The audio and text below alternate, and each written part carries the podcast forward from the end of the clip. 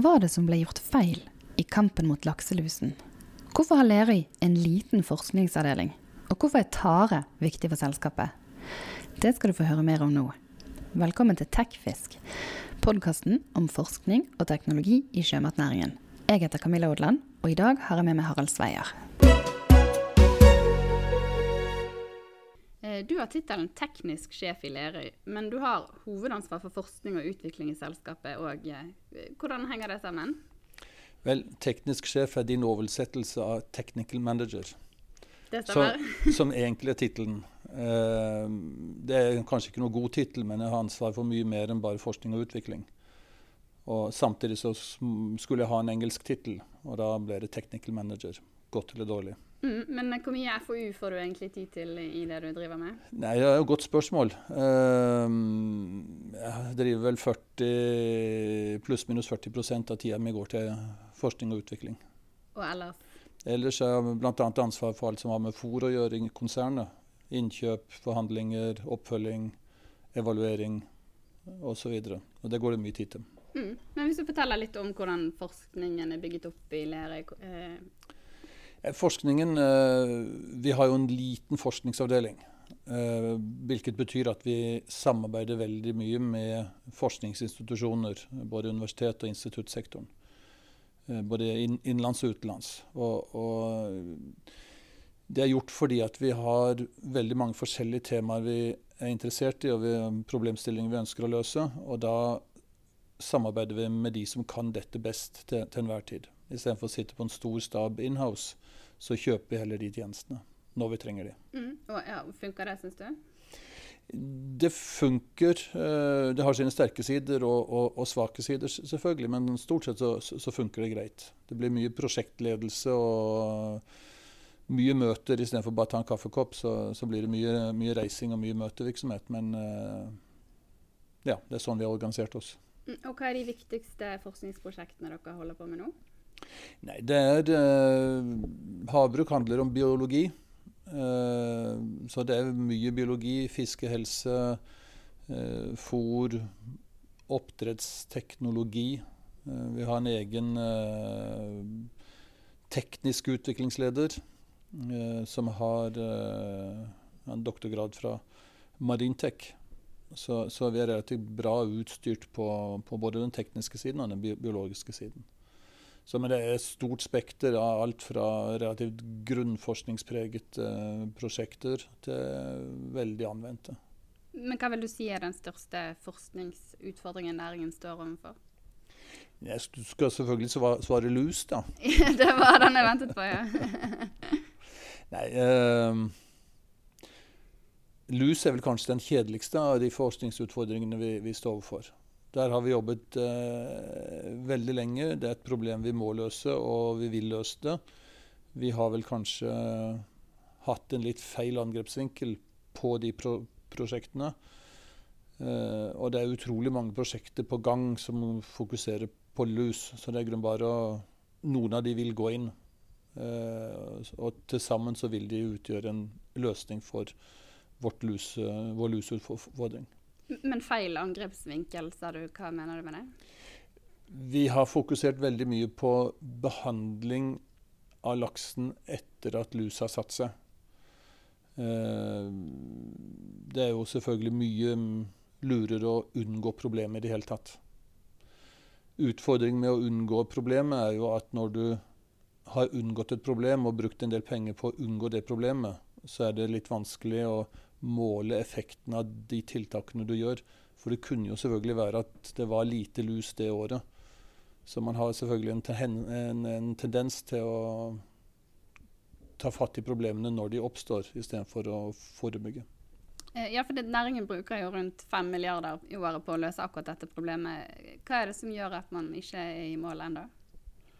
Det, det er jo forferdelige su- su- summer, og, det går jo utover eh, tilvekst og dødelighet og fiskevelferd og bærekraft og, og, og alt.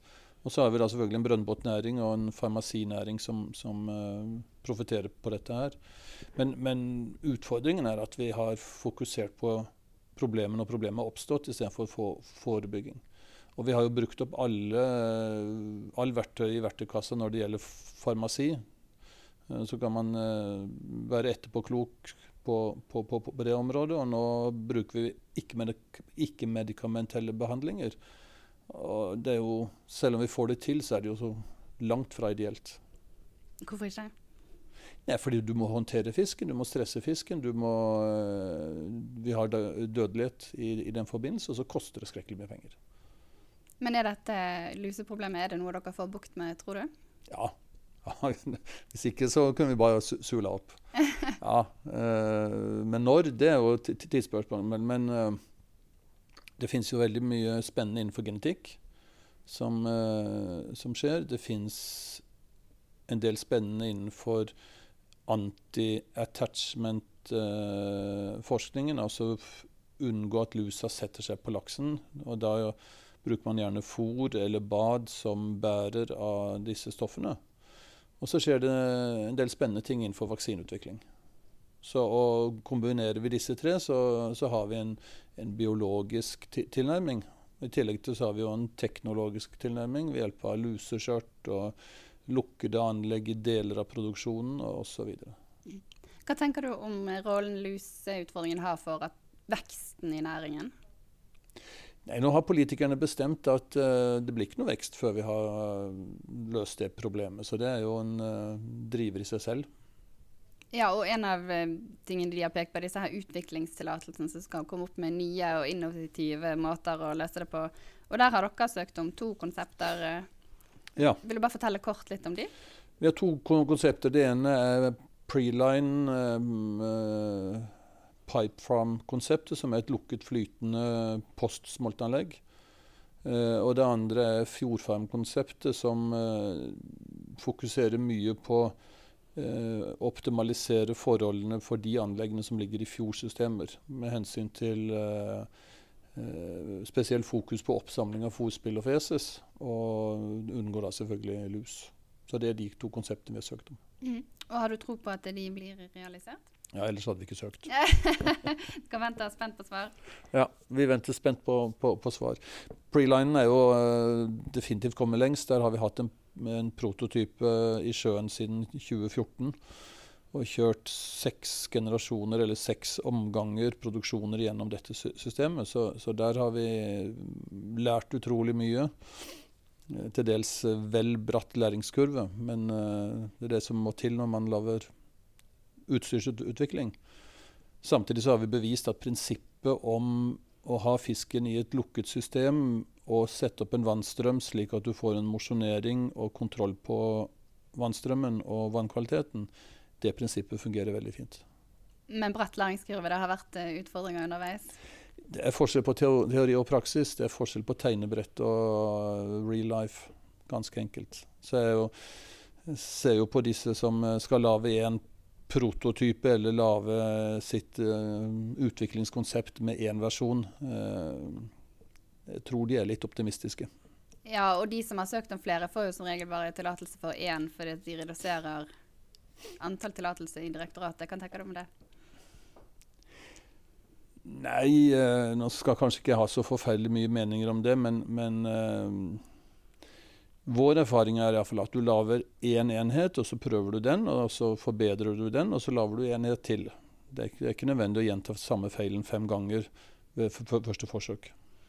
Men disse utviklingstillatelsene, hva tenker du om de? Er de med på å bringe næringen fremover og løse utfordring, utfordringene deres? Ja, Det er jo det du ser bare på kreativiteten. Eh, at man må ha et sånt spark bak for å utløse Én ting er å utløse kreativiteten, en annen ting er for å få den finansiert. At uh, havbruksselskapene plutselig vil finansiere dette, uh, viser jo at dette har hatt sin misjon. Definitivt.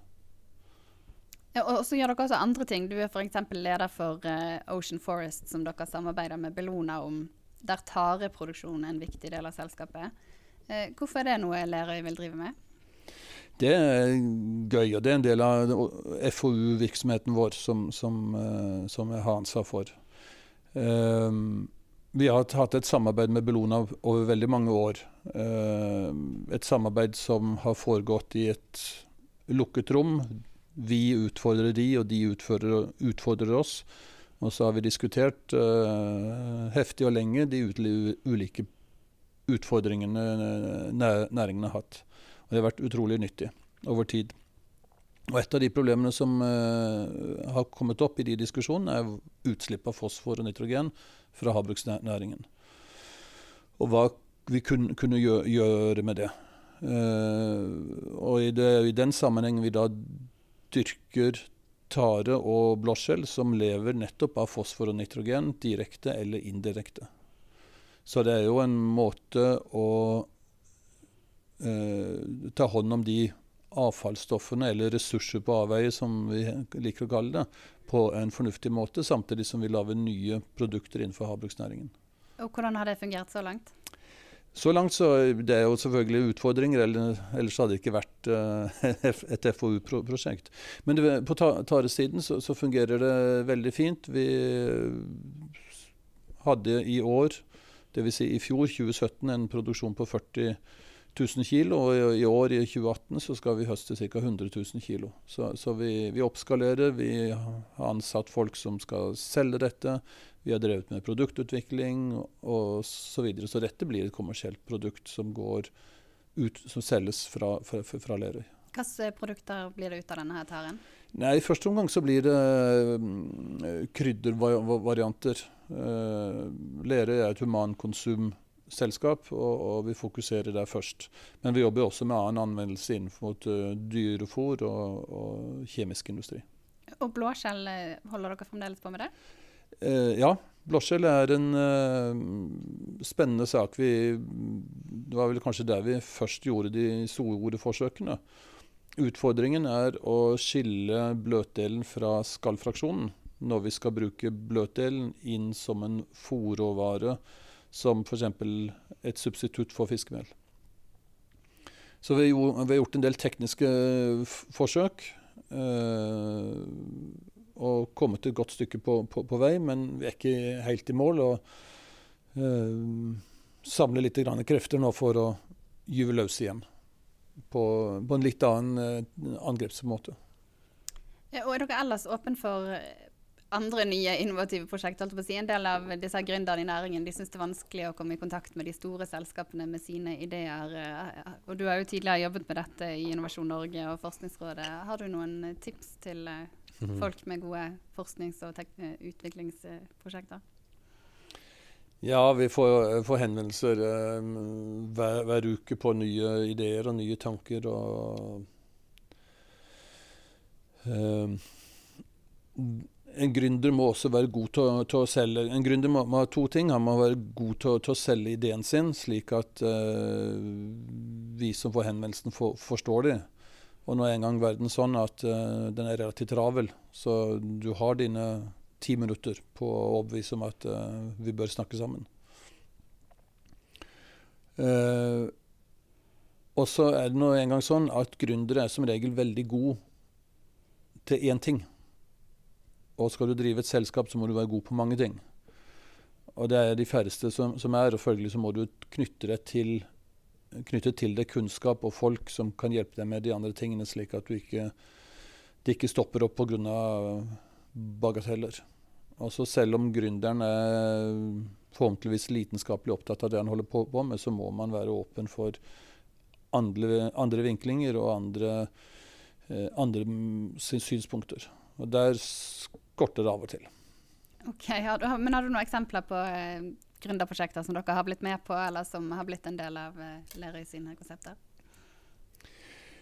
Eh, vi har vært borti mange gründerprosjekter. Noen, eh, og vi har vært med i ulike utviklingsfaser av det. Eh, så har vi latt prosjektene gå videre uten oss, eller prosjektene blitt terminert.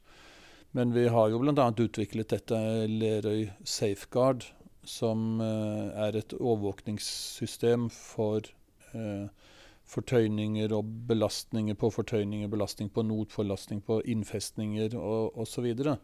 Med eh, online overvåkning og registrering, slik at når brønnbåten kommer, eller når du skal til å Eh, håndtere nota di, eller det blir dårlig vær, så får du hele tiden en, en, måling på hvor stor belastning det er på fordøyningssystemet. Det har vi utviklet sammen med Aquaplan Niva, og, eller var det Multiconsult? Det, det husker jeg ikke helt. Det er så mange pro prosjekter. Men nå er det iallfall overtatt av, av Aqua Group og, og selges som et kommersielt produkt gjennom Aqua Group. Vi har veldig tydelig på at vi i utgangspunktet ikke skal drive med utvikling av teknologi teknologisk utstyr. Vi skal støtte de som driver med noe spennende vi syns er spennende, men vi skal ikke drive med den type salg og utvikling selv. Hvorfor ikke? Fordi vi er et sjømatskonsern, og det tror jeg vi har nok utfordringer med å være. Ja, og nå har vi snakket mest om oppdrett, men dere er blitt store innen fiskeri. og eh, Skjer det forsknings- og utviklingsprosjekter der? Det gjør det. Eh, og vi har mange Hele hvitfiskindustrien med alle de mottaksanleggene langs kysten eh, har nok vært preget av litt gammelt utstyr og gammeldags teknologi og små enheter.